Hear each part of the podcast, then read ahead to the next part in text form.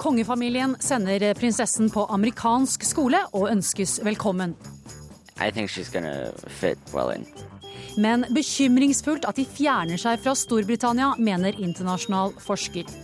Jeg klarte nesten ikke leve med meg selv etter aborten, sier kvinne som etterlyser bedre oppfølging. Og kampen om Bybanen i Bergen beskrives som reality-TV. Politikerne har kommet fram til en latterlig løsning, sier Gunnar Staalesen. Velkommen til ukeslutt. Jeg heter Ingvild Edvardsen, og i denne sendingen skal vi også møte en 18-åring som ble vitne til at kameraten druknet uten å kunne hjelpe. Bare se for deg at du ikke kan gjøre noe med det. Det er ganske hardt. Mange barn og unge kan ikke svømme, og det blir mer om det snart. Men først en nyhetsoppdatering ved Anne Jetlund Hansen. Israelske sikkerhetsstyrker har arrestert ytterligere ti palestinere på Vestbredden i letingen etter tre israelske tenåringer som er savnet. Det sier en talsperson for militæret. De tre ble meldt savnet for halvannen uke siden, og israelske myndigheter anklager Hamas for å ha bortført dem, noe Hamas benekter. Totalt er 330 palestinere pågrepet i forbindelse med letingen etter tenåringene. Russlands president har gitt sine soldater ordre om å være i kampberedskap. Det opplyser det russiske forsvarsdepartementet. Dette skjer dagen etter at russiske myndigheter bekreftet at de trapper opp det militære nærværet i grenseområdene mot Ukraina. Og det kommer også meldinger om kamper mellom russiskvennlige styrker og ukrainske regjeringssoldater, til tross for at den ukrainske presidenten i går sa at en ensidig våpenhvile var trådt i kraft i Øst-Ukraina. En 35 år gammel mann er pågrepet siktet for å ha voldtatt en kvinne i Tønsberg i natt. Kvinnen har forklart at hun ble voldtatt på en strand i eh, området. Røldalstunnelen på E134 i Odda i Hordaland er nå åpnet igjen. Tunnelen ble stengt etter en trafikkulykke i formiddag. Et eldre ektepar er kjørt til sykehus for kontroll etter at de kjørte av veien øst for tunnelen. Politiet i Rogaland melder om grovt tyveri fra en jordbærbu på Bryne på Jæren. Hver sommer selges det bær fra ubetjente buer rundt om i landet, der kundene legger igjen penger for de bærene de kjøper. Men denne gangen gikk det galt, og både pengeskrin og jordbær er stjålet. Og det var nyhetsoversikten. Nå fortsetter ukeslutt. Jeg forstår at uh, folk har uh, meninger om valget vårt. Dette har vært en vanskelig avveining uh, for oss.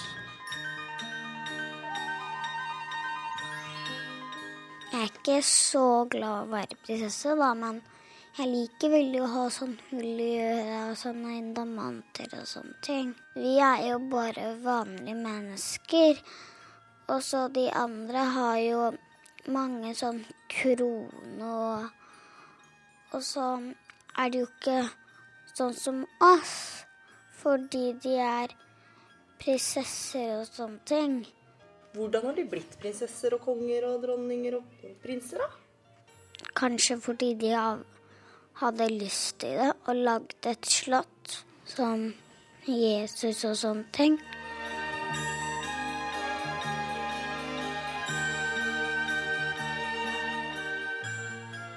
Ja, de er ikke helt som oss. Denne uken ble det klart at prinsesse Ingrid Alexandra skal begynne på privatskole til høsten for å lære å snakke og tenke på engelsk.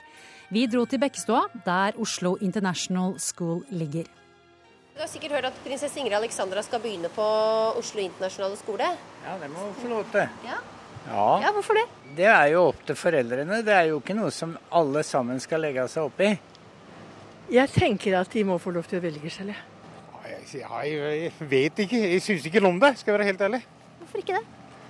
Jeg skal være sammen med folket. Jeg forstår kanskje de som reagerer på det også, men på den annen side så må vel de ha lov til å velge like fritt som alle andre, vil jeg synes. Kanskje det er bra for internasjonale forbindelser, kanskje det er snobberi, jeg vet ikke. Ja, er det bra for internasjonale forbindelser? Forsker Iver B. Neumann ved London School of Economics er bekymret over at det norske kongehuset vender seg vekk fra Storbritannia og mot USA. For på skolen prinsessen begynner på, lærer de ikke britisk, men amerikansk. I think she's gonna have a nice time here. I, I think she's gonna fit well in. Um, well, in my class, there's at least um, 17 people, and then people come and go throughout the year. Peter og Marie Larsgaard på 13 og 12 år går på Oslo International School og har skikkelig dreisen på engelsk. Men aksenten er amerikansk. Derfor synes ikke statsviter Iver Ben Neumann at prinsesse Ingrid Alexandra bør gå på den skolen. Slik som engelskundervisningen er i den norske skolen, så skjønner jeg jo godt at uh, man trenger påfyll. Og jeg synes jo også det er en meget god idé å ta en, uh, en spesialskole. Men hvorfor man på død og liv skal ta en amerikansk skole, er jeg usikker på. Kongehuset springer jo, ikke minst pga. dronning Maud, ut av en uh, britisk tradisjon. Og Dette er jo altså et av opptil flere eksempler på at kongehuset nå snur seg bort fra Storbritannia mot USA. og Det kan man jo stille spørsmål om er politisk heldig for Norge. It affords me great pleasure. It is indeed a great pleasure for me to address this assembly It gives me great pleasure to declare We can choose to defy brutality with fellowship. Kronprins Haakon brøt den kongelige tradisjonen med å utdanne seg i Storbritannia, og dro i stedet til USA. Storbritannia er nær, USA er fjernt. Storbritannia har man en klar idé om hva Norge er, det har man ikke i USA. På en kafé i Bærum, et steinkast fra Oslo International School, sitter en venninnegjeng som går på offentlig videregående skole. Hvis de små barna har gått på vanlig eh, hva er offentlig barneskole fram til nå, hvorfor skal de bytte nå? Hva, hva fant de på at å ja, kanskje skulle lære litt mer engelsk? Jeg skjønner ikke hvorfor det, de fant ut det nå. Og det sender jo noen signaler da, når kongefamilien går på privatskole, men på den andre siden så er det vel egentlig ett fett. Det er ikke så farlig. Men det er jo viktig for dem, da, siden jobben deres for de barna. For jobben deres skal jo være å representere Norge i utlandet. Ja, altså, de bør jo kunne engelsk, men det, vi har jo lært engelsk fint, vi òg. Jeg har ikke gått på privatskole. Så hva er det som lokker kronprinsparet til å sende prinsessen til denne privatskolen? Engelsknivået på skolen er bedre enn på den offentlige skolen. Resultater fra nasjonale prøver viser at elever i 5. klasse skåret i snitt 2,6 på en skala hvor tre er best, mens snittet nasjonalt er på to. Kanskje ikke så rart. Fordi alt foregår på engelsk. Alle fag foregår på engelsk.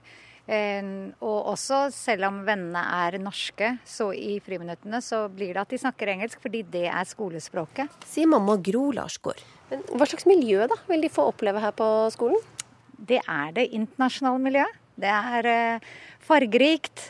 Hun kommer til å uh, få venner fra hele verden. For norske elever koster det litt under 100 000 kroner i året å gå på skolen, mens utenlandske betaler nesten 200 000. Ja, det er veldig mye penger. Veldig, veldig mye penger. Sier pappa Tore Larsgaard. Og, men, men, jeg syns, jeg syns folk må få velge sjøl hvordan man, man, ønsker å gjøre det. Jeg forstår jo selvfølgelig at det er mange som, som ikke har muligheten til å gjøre det. Men jeg, jeg syns det må være opp til hver enkelt familie å bestemme hvordan man, man ønsker å bruke de pengene man har. Kritikerne mener kronprinsfamilien nå fjerner seg fra folket.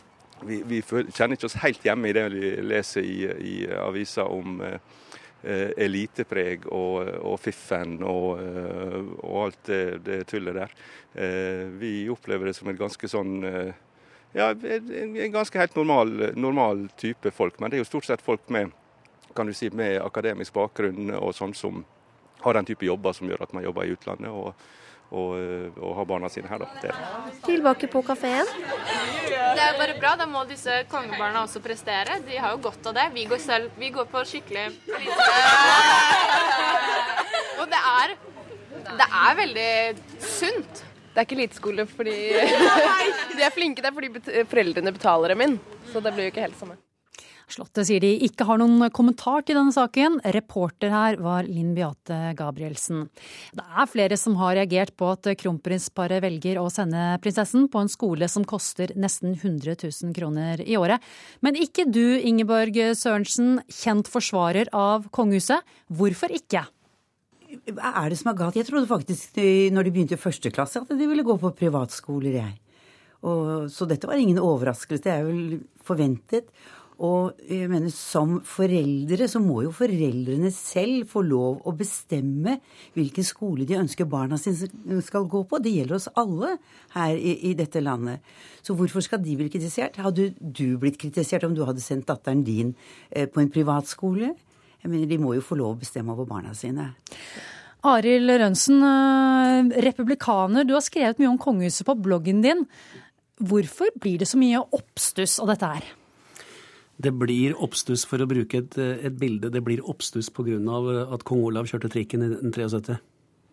Altså, det strider mot alt det vanlige folk oppfatter som at kongehuset OK, de får 300 millioner i året av skattebetalernes penger, men de skal være noen av oss. Derfor blir det bråk om det. Og det blir selvfølgelig spesielt bråk om at Ingrid Alexandra skal gå på International School, som hun lærer nok godt engelsk der, men det er attpåtil et Hun følger et eh, læremønster hvor hun ikke lærer egentlig noen ting om norsk eller norsk historie og politikk. Og hvis hun en gang skal bli dronning i Norge, så er det det hun bør kunne. Ingeborg Sørensen, blir de mindre folkelige det her? Nei, det er overhodet ikke. Jeg syns de er så folkelige som de vi kan forlange et kongehus kan være, jeg. Og jeg tror ikke akkurat det at fordi at barna begynner nå på privatskole at de skal miste sine folkelighet. Så dette er bare tull, syns jeg. Altså. Og vi kunne heller ikke um, har hatt uh, en Når du snakker om uh, hva det koster oss, så må vi også da legge på motsatt prosankans. Hva er det vi får igjen? Markedsføring av Norge. Hva er det de gir oss i gratis eh, publisering når de er i utlandet? Hadde det vært en president, så OK, greit. Men kongehuset, det har en åra rundt seg, og, og, og, og det selger. Altså, Jeg syns ikke at kronprinsparet er, er, av de verste. Altså, Kronprinsparet gjør jo stort sett fornuftige valg her i livet. Og det er derfor det, jeg syns det er litt merkelig at de tar dette valget. Fordi at alle altså Ikke Ingeborg, da. Hun skjønner, skjønner, skjønner, ikke dette. Men alle vanlige folk skjønner at, det er et litt mystisk signal å sende.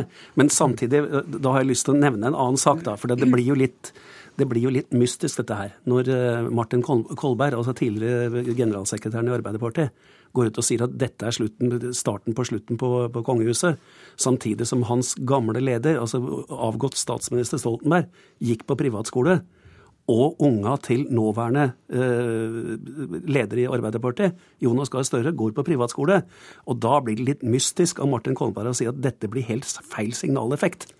Du har også sagt at det er problematisk at toppolitikere er venner med de kongelige. Hvorfor det? Det er jo klart, hvis du ser på altså, Kronprinsparet var eh, hjertelig velkomne som gjester i 50-årsdagen til eh, Jonas Gahr Støre.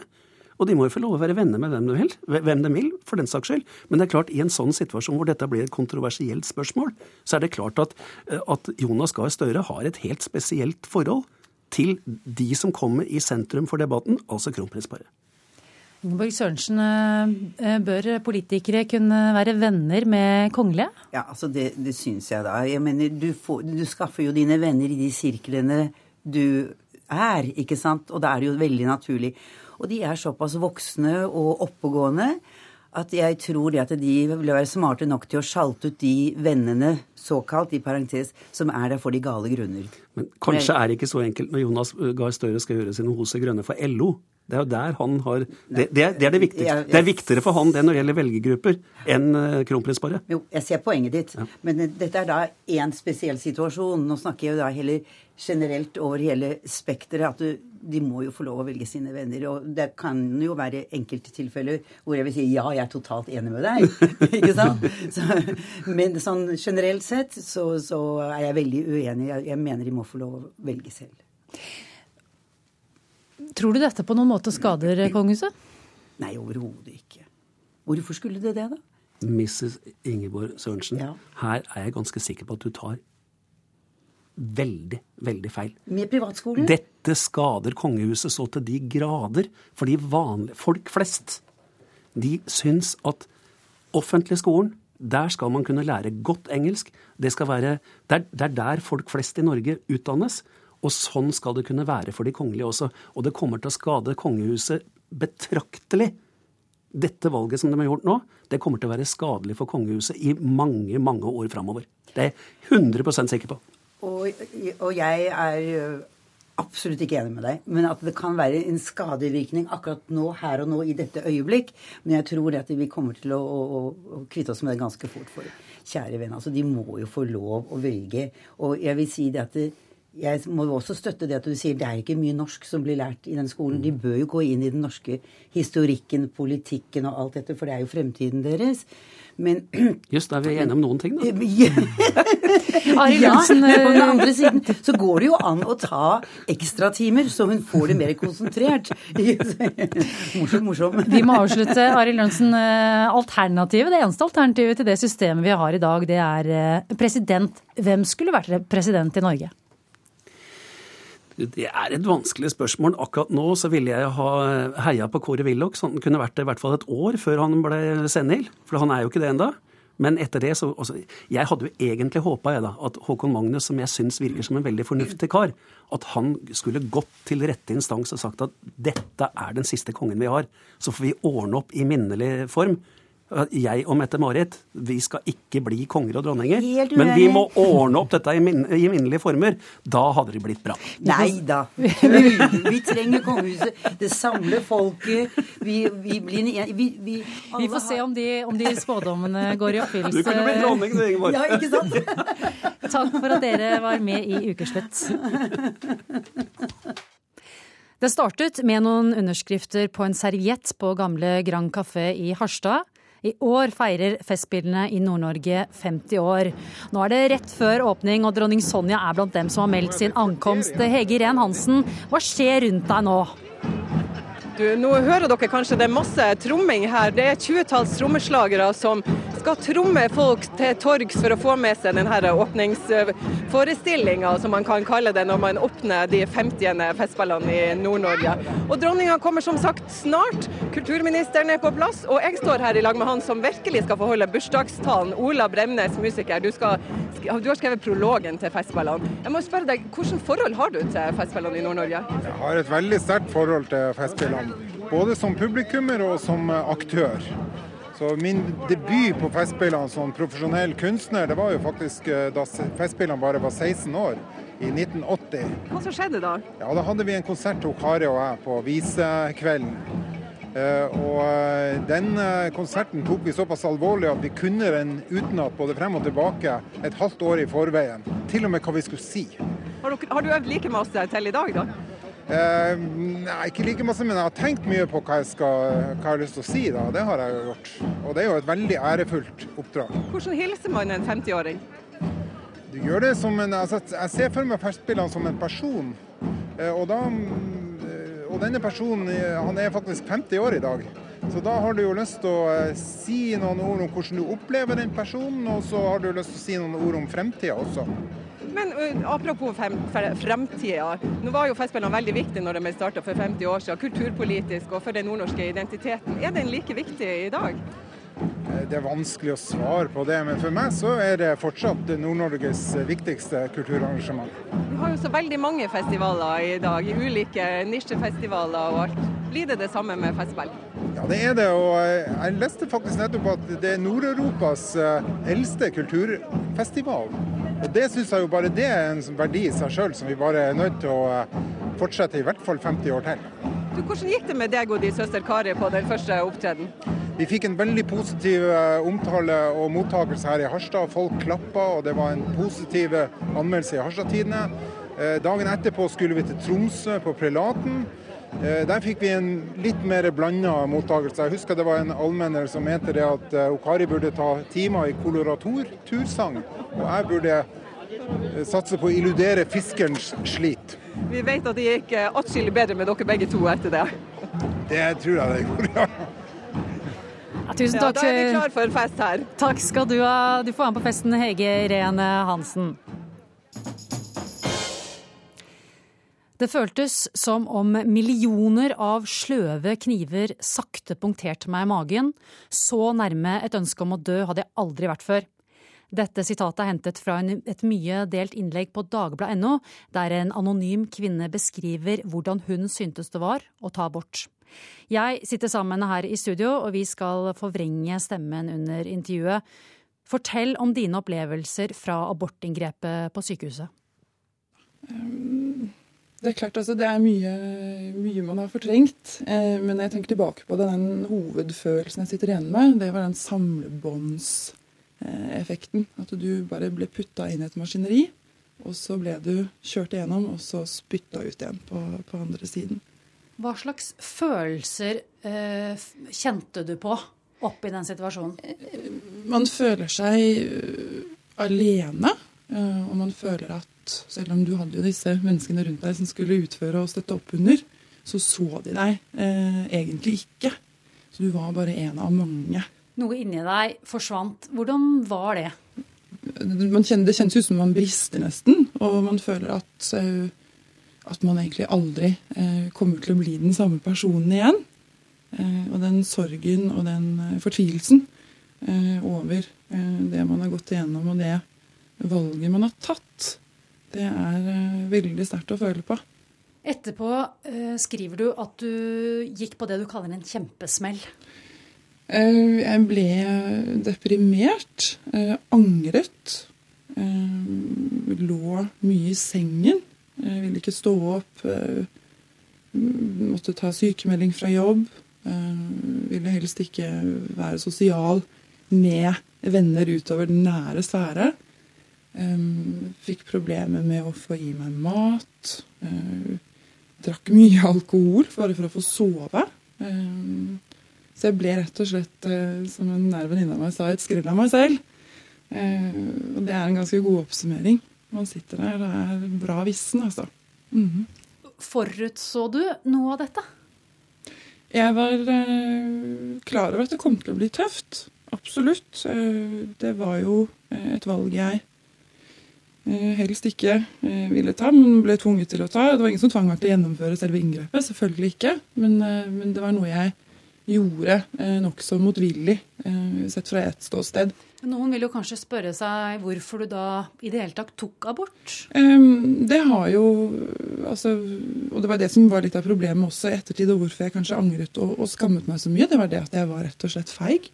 At jeg turte ikke å stå opp for uh, den potensielle familiesituasjonen som jeg ville satt både meg selv og, og barn og, og barnefar i. Um, og jeg turte heller ikke å sette meg opp imot barnefar, som virkelig ikke ville ha dette barnet. Så jeg var rett og slett så feig at jeg ønsket ikke den konflikten uh, i livet mitt. Anger er også noe du beskriver. Hvordan påvirket det da? Det påvirket meg på den måten at jeg ønsket jo forferdelig gjerne å, å kunne ta tilbake uh, det jeg hadde gjort uh, der og da. så den angeren for meg den utspilte seg veldig i stor grad at jeg lå og tenkte scenario. Tenk om jeg ikke hadde gjort det. Da kunne det vært sånn. Da kunne det vært slik. Jeg så på datoer, visste at ok, nå kunne fosteret mitt vært så og så mange uker. Tenkte veldig mye på hvordan ting hadde forløpt seg hvis jeg ikke hadde gjort det.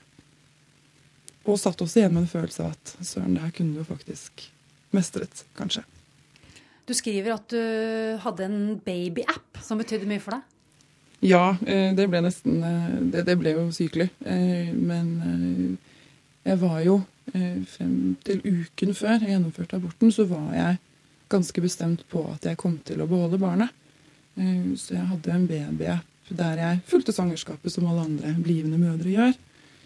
Forskjellen ble jo at da jeg da hadde gjennomført aborten, så brukte jeg jo den appen på en måte for å forlenge varigheten av fosteret mitt. Altså. Du skriver at uh, du angret så dypt at du nesten ikke klarte å leve med deg selv. Mm.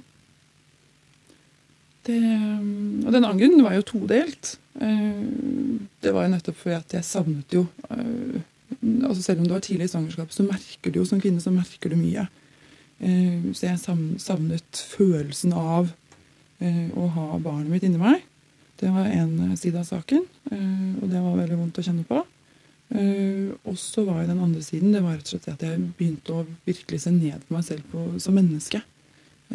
For det valget jeg hadde gjort, og, og selvfølgelig også så veldig ned på meg selv som menneske i forhold til den behandlingen og de omstendighetene som lå både i forhold til sykehuset, men også i forhold til barnefar. Så man gikk jo der og følte seg egentlig Det ble en sånn trippelanger, da, kan du si. Hva slags hjelp fikk du fra helsevesenet? Det var ikke så mye. Men Hva var det jeg fikk av hjelp? da? Jeg fikk et uh, skjema med meg hjem Det ble skrevet ut.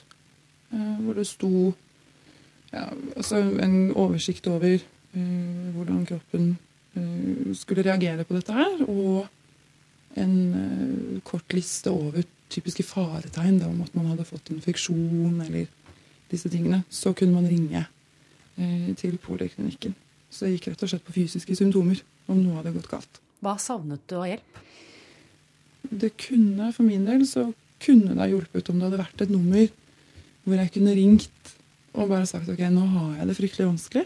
Nå har jeg ikke vaska håret mitt på to uker. Jeg drikker vin hver kveld. Jeg klarer ikke spise. Jeg har det grusomt. Hadde det hjulpet, tror du, om du rutinemessig hadde blitt kalt inn til, et, eh, til en samtale? Det er jeg veldig usikker på. Um, og det hadde jo også da avhengig Altså hvor jeg hadde vært i prosessen også. Uh, for det er klart for min del så ble jo dette her en ond spiral. Alt ble mørkere og mørkere og mørkere. Uh, så hadde jeg rutinemessig blitt kalt inn etter uke én etter inngrepet, så er det ikke sikkert at jeg hadde møtt opp. Men uke tre så hadde jeg kanskje gjort det. Eller eventuelt menneskene rundt meg hadde tvunget meg til å gjøre det. Nå er det snart eh, to år siden. Eh, hvordan har du det nå? Nå går det, nå går det bra. Eh, det har jo vært en lang prosess. Og det er jo klart at det første man må starte med, det er jo å, å stable seg på beina og, og, klare å komme seg på jobb. Og være et velfungerende menneske i så måte. Og så har jeg måttet jobbe meg selv når jeg da har gått ut kontorendøren og, og sittet hjemme og, og, vært lei meg. ikke sant? Jeg tenker på det mye og ofte fremdeles, men det er ikke med den samme vonde, mørke følelsen i magen. Eh, og så har man jo også kommet til et punkt der man tenker at ok, det var jo på mange måter eh, et rett valg. Men jeg tenker også at hadde jeg ikke tatt det valget, så hadde det gått fryktelig bra da også. Har du råd til andre som kommer i samme situasjon? Jeg tror at det å kjenne på at man gjør det av egen vilje, og ikke for andre, det er eh, utrolig viktig. Og så tror jeg jo at man må være forberedt på Altså, folk er forskjellige. Eh, men man burde jo være forberedt på hvert fall at det kan bli eh, en større påkjenning enn det man kanskje var innstilt på. Takk for at du fortalte om dette temaet i Ukeslutt. Statssekretær Cecilie Brein-Karlsen fra Frp, hvordan reagerer du når du hører denne kvinnens historie? Jeg syns det er veldig sterke ord, og jeg vil også gi honnør for at hun skriver den kronikken, og at hun deltar i, i, debatten, sånn at vi får en diskusjon om at det å utføre abort selvfølgelig også kan være krevende. Vi vet jo det at kvinner som utfører abort og kan oppleve tap, eh, sorg. Noen kan jo også være i krise, og det er jo også fordi kanskje at abort fremdeles er bundet med at det er tabubelagt og forbundet med skam. Men et sånt bidrag også bidrar jo til mer, mer åpenhet. Og mer åpenhet vil jo kanskje også gjøre det lettere å snakke med familie eller venner, eller også det som er veldig viktig, det, det å oppsøke hjelp. Dere ville ikke møte forskere på dette feltet til debatt, men vi har snakket med dem, og de sier det er mange som opplever det samme som denne kvinnen. En av dem som har forsket på dette, psykiater Anne Nordahl Broen, foreslo for noen år siden at alle som tar abort rutinemessig bør kalles inn til en samtale. Dette har ikke skjedd. Er det noe dere vil vurdere? Altså, vi har vurdert det. Den rapporten eh, hun, eh, som hun viser til, eh, slår fast til at det er vel rundt 20% av dem som får utføre abort, som får en psykisk reaksjon. Og da har vi jo sett på hva vi kan gjøre for dem. Og det er jo sånn at ingen pasientgrupper på en måte har rettighet til en bestemt type oppfølging i etterkant. Det er jo etter, etter behov. Og da er det vanskelig da å gi en type oppfølging til alle. Man ser jo det at de fleste håndterer det her eller syns det går eh, greit. Men det som er veldig viktig da, er at man gir et godt tilbud til dem som, eh, dem som får det Men eh, det, vanskelig. Kvinnen sier jo her at det, tilbudet er ikke godt nok i dag. Hun sier at det var så vidt hun klarte å leve med dette. For de 20 prosentene, da er det umulig da å takke ja til samtalen, mens 80% kan takke nei. Ja, men det er jo også sånn at eh, Du får utført en abort på sykehuset, og da ha den oppfølgingen på sykehuset langt unna der du bor. Det er ikke sikkert at det nødvendigvis er er riktig. Jeg tror det er viktig å gå via fastlegen, som er i kommunen der du bor, og som kjenner deg godt, og som kan gi en tett og god oppfølging. Takk til deg, Cecilie Brein Karlsen, statssekretær i Helsedepartementet. Du hører på Ukeslutt. Sett deg enda litt nærmere radioapparatet, for snart blir det mer om dette. En latterlig løsning, sier forfatter Gunnar Staalesen om hvor Bybanen i Bergen skal gå. Hør saken som får bergenserne til å bruse med fjærene.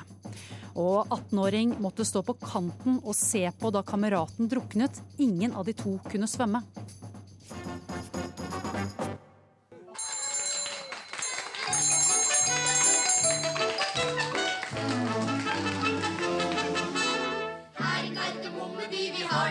Godt. Her er ikke biler, men en trikk, det har vi fått. Trikken heter Rute 1 og går fra nord til sør. Og jeg er trikkens trikkekonduktør. Vi kjører rute hvert kvarter. Og her er plass til mange fler. Det går til Gardermoen med bru. Der stanser trikken for oss nu. Ja, det er ikke noe å si på stemningen på trikken på Kardemommeby. Da er tonen en helt annen i Bergen, der politikerne krangler om hvor Bybanen skal gå. Fra forutsigbart finsk fjernsynsteater til å bli hardcore reality-TV. Disse ordene har blitt brukt for å beskrive det politiske spillet om den oransje og grå trikken som snegler seg gjennom Bergen, Bybanen. Gunnar Staalesen, forfatter og dramatiker. Hvordan har du opplevd å følge dette spillet fra sidelinjen? I hvert fall de siste seks månedene har det vært ganske frustrerende å se hvordan et så viktig eh, prosjekt i Bergen som Bybanen er blitt behandlet av de politikerne som sitter og styrer byen i øyeblikket.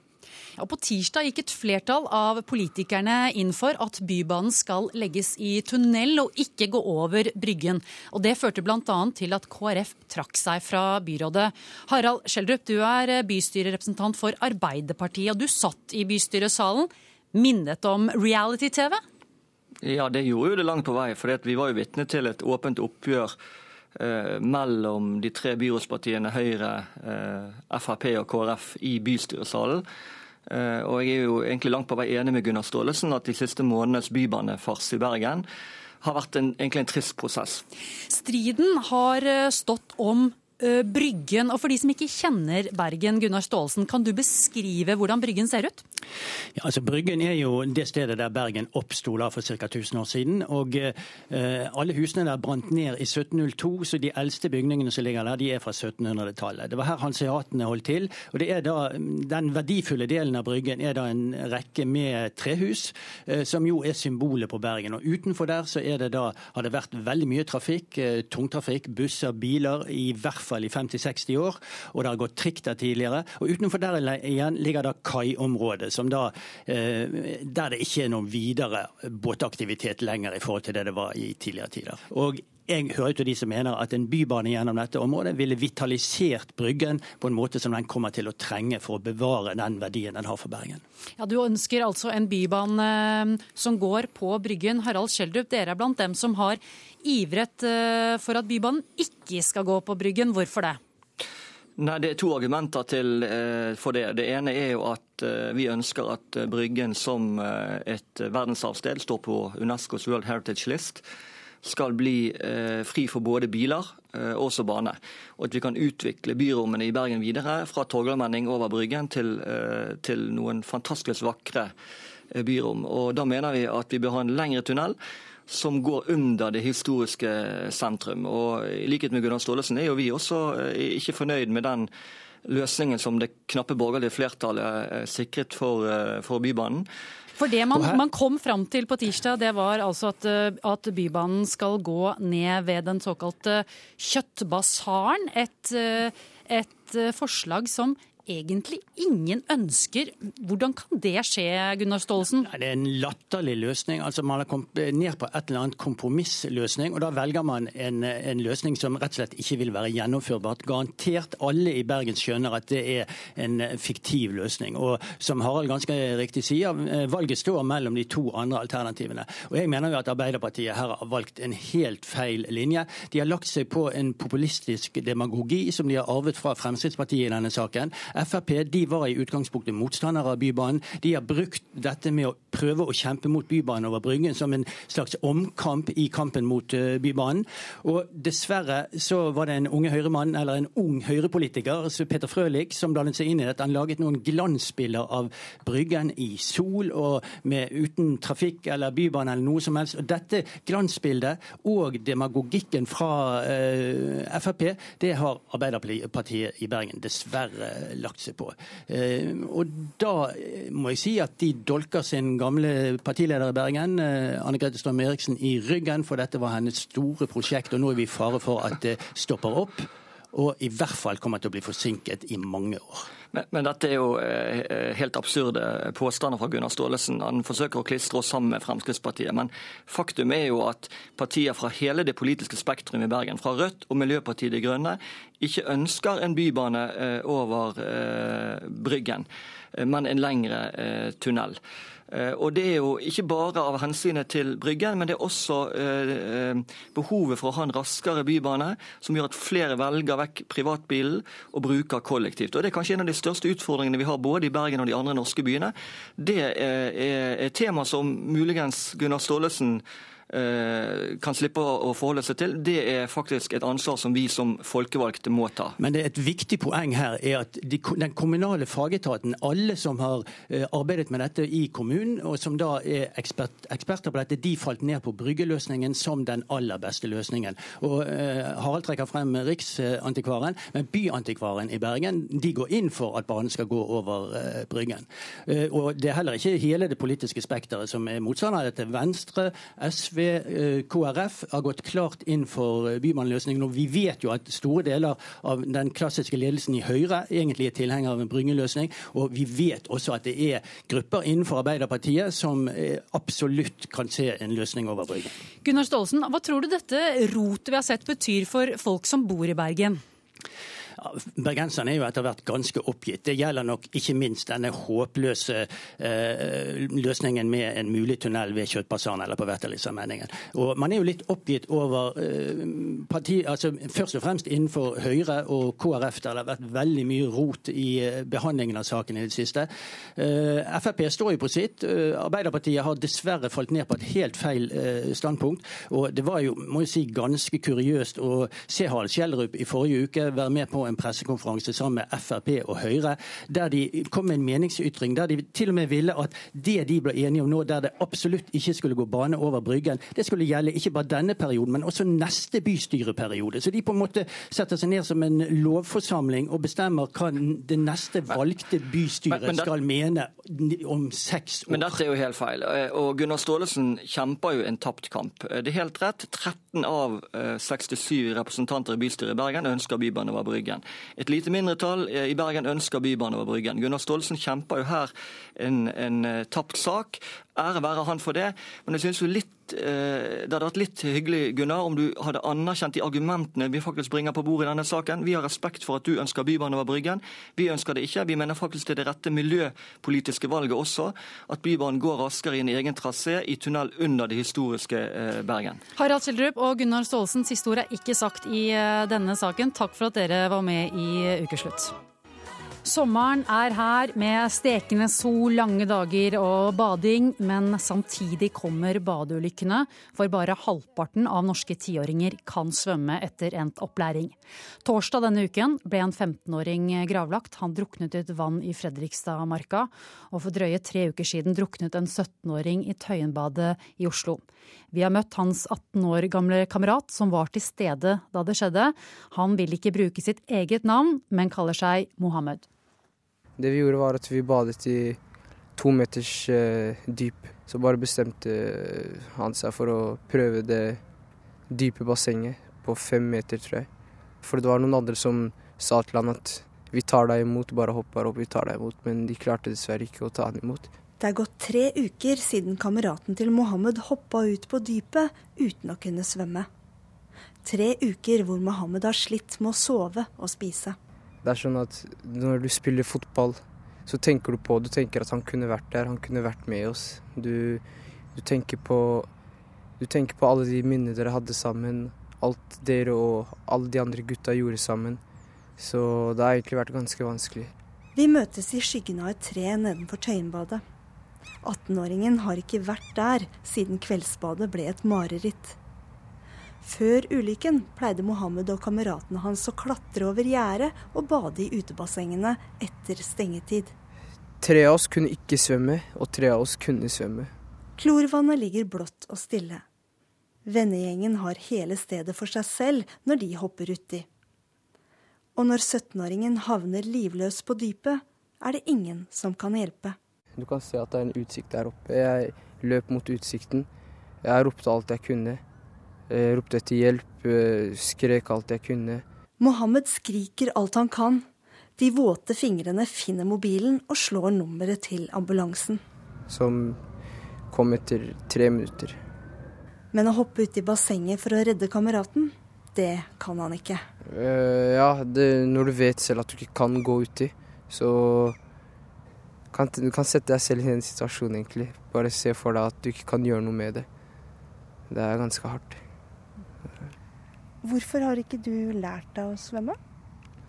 Uh, nei, jeg kan jo skylde litt på meg selv, egentlig. Jeg har ikke tatt initiativet til det. Jeg har kanskje ikke vært ivrig nok, men uh, så jeg skylder litt på meg selv også. Fikk du svømmeundervisning på skolen? Uh, ja, eller det var sånn at ikke, jeg, kan, jeg, kan, ikke kalle det for en undervisning. Det var sånn at vi hoppet ut Eller de ba oss hoppe ut i kanskje én meters dyp lære oss å svømme av oss selv, liksom. Det var, det var, det eneste. De ga oss ikke noen leksjoner i hvordan man skal svømme, hva, hva, man skal gjøre, hvordan man skal bevege seg, hvordan man skal flyte osv. Det de gjorde, var å bare sende oss ut i vannet. En politikvinne som tilfeldigvis jogga forbi Tøyenbadet, hørte Mohammeds rop om hjelp. De kjappet seg opp, hoppet hun, dame, hun, hun ene politidama hoppet uti, klarte å redde han. Hvor mange minutter som går før 17-åringen blir henta opp fra bassengbunnen, er uvisst. Jeg hadde et lite håp om at han kanskje skulle klare seg, fordi jeg vet ikke, jeg bare hadde et lite håp. Og så, eh, når er det du skjønner at det ikke går bra? Det var eh, dagen etter, når vi besøkte han nede i sykehuset, eh, Rikshospitalet. Så fortalte de oss at tilstanden hans fortsatt er ganske kritisk. Den, eh, han, har, han, har, en svært liten sjanse for å overleve, osv., osv. Så, videre, så begynte jeg å tenke, tenke meg to ganger om og tenkte nei, kanskje, kanskje det er over. Dersom Mohammed kunne svømme, ville han gjort alt for å redde kameraten. Jeg hadde ikke gitt opp. Jeg hadde prøvd å Jeg hadde hoppet uti gang til gang til gang. Jeg hadde, helt til jeg hadde klart det.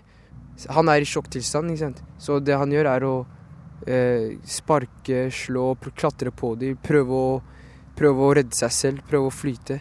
Så det, det smarteste er kanskje å slå han bevisstløs, og så dra han, til, uh, dra han til kanten. Som at de andre kan bære han opp. Jeg tror jeg hadde gjort det, faktisk. Er det sånn du tenker mye på? Ja, jeg tenker på det ganske ofte, faktisk. Nå må jeg i hvert fall lære meg å svømme etter det som skjedde. Jeg skal prøve å få lært meg å svømme innen den sommeren her. Det var reporter Kari Li som hadde laget denne reportasjen. Ja, det å få panikk, veive med armene og rope om hjelp er nok noe mange forbinder med drukning. Men eh, svært mange drukner i det stille, og det kan være vanskelig for de rundt å skjønne hva som skjer. Det har du erfart, eh, Sigurd Fylling Mæle.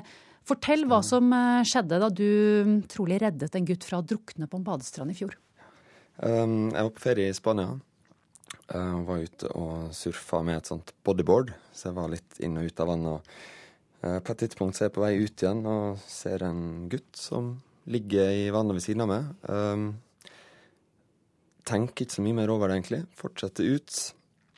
Uh, men så er det et eller annet som skurrer litt, så jeg snur meg en gang til.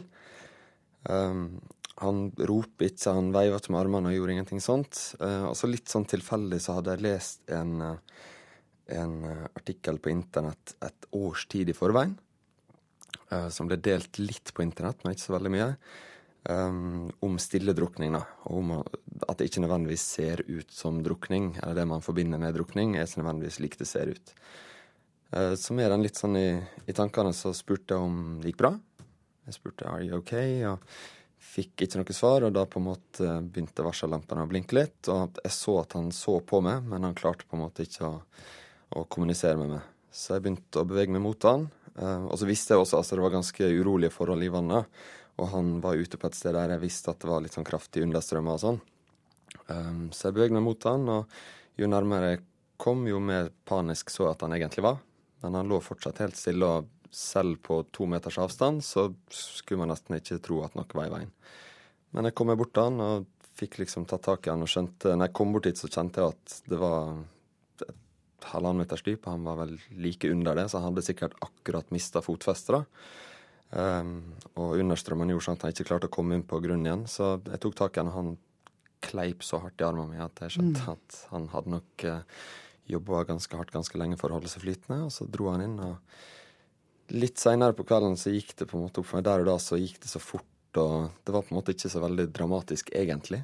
Der og da. Um, det var først når jeg liksom la meg og ikke helt klarte å sove, og sånn at det gikk opp for meg at det, det kanskje kunne gått uh, langt mer ille enn det gjorde. Mm. Du er jo eh, selv lærer. Hvor stort problem opplever du der at eh, barn ikke kan svømme? Eh, det er et kjempeproblem. Altså han, Mohammed i det intervjuet tidligere skyldte jo på seg sjøl for at han ikke kunne svømme, men det er jo nedfelt i Kunnskapsløftet at alle fjerdeklassinger skal kunne svømme, men sånn er det ikke. Det vet vi at, som du sa, halvparten av femteklassinger kan ikke svømme. Det er 150 000 barn i Norge som ikke kan svømme. og det har jo vært sånn så lenge jeg kan huske. Det har alltid vært snakk om vann i basseng og prioritering av det. Jeg skal ikke sitte her og skylde på noen for det. Jeg vet Det er nok både kommunalpolitikk og bevilgning av penger. Det burde kanskje vært mer øremerka fra myndighetenes side. Men eh, jeg vet i hvert fall sånn min erfaring fra skolen min. Nå er jeg ikke kroppsøvingslærer, men eh, eller det vil si jeg er utdanna kroppsøvingslærer, men jeg har ikke kroppsøving. Men eh, de sier jo det, de som har kroppsøving, at det er en kamp hvert år å få mulighet til å gjennomføre eh, svømmeundervisning. Altså Hvis de er heldige, så får de gjort det. Eller de skal jo få gjort det, men det er en kamp de må gjennom hvert eneste år. Eh, og da får de kanskje én eller to økt i løpet av hele ungdomstrinnet. Hvis du skal gi noen tips til foreldre som er ute på badestranden med barna sine litt kort, hva vil du, hva vil du si da? Nei, altså følg med. Um, den saken som jeg opplevde, da var det jo ikke foreldre til stede engang. Så det er jo liksom det viktigste. Vær til stede. Ikke, spesielt når man er ute og reiser og ikke kjenner de lokale forholdene der man er. Eh, det kan være understrømmer, det kan være fralandsstrømmer som plutselig drar ungen 50 meter ut. Eh, så vær i hvert fall med selv om det ser rolig ut og du tror det er langgrunt og sånn. Vær med, og når du er med, så ikke bare sitte og slappe av, sole deg og lese aviser sånn. Hvis ungen er i vannet, så burde du også være med ungen, eller i hvert fall ha godt overblikk over situasjonen. Og husk at det ikke alltid er sånn som det ser ut som. Det. Takk til deg, Sigurd Fylling Mæhle. Takk skal du ha. Nå gir jeg ordet til statsmeteorolog Inge Lise Askebru. Hei, det blir en litt forkorta værmelding i dag. Men de store trekka er at det i Sør-Norge sør for Stad og Dovre blir lokale regnbyger, og kan også hende med torden over det østafjelske. Det gjelder både for i dag og også i morgen. Vestlandet sør for Stad også enkelte byger, eller stort sett pent vær. Ganske kraftig vind, nordlig opp mot stiv kuling da på kysten. Møre og Romsdal og Trøndelag får perioder med regn og yr, men fra søndag morgen gradvis lettere vær, først i nord. Kraftig vind her også, nordvest opp i frisk bris. I Trøndelag opp mot stiv kuling. Gradvis minkende da ut over søndag formiddag. Nordland utsatte steder nordlig stiv kuling.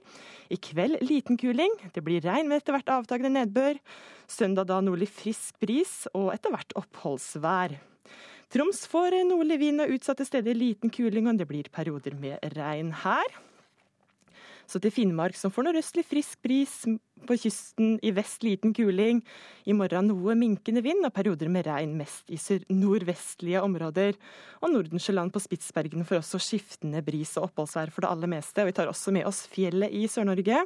Nordvestlig bris med liten kuling utsatte steder, og det blir perioder med regnbyger vesentlig nord for Finse. Snøgrensa ligger på omkring 1200-1400 meter. Ellers ventes for det meste opphold og noe sol. Vi tar også med oss et oppsvarsel om stor skogbrannfare inntil det kommer nedbør av betydning over det østafjelske. Og det var en kortversjon av værvarselet fra Meteorologisk institutt. Og med det er ukeslutt over. Ansvarlig for denne sendingen var Gry Veiby, teknisk ansvarlig Hanne Lunås. Her i studio satt Ingvild Edvardsen, og vi ønsker deg alle en fin helg videre.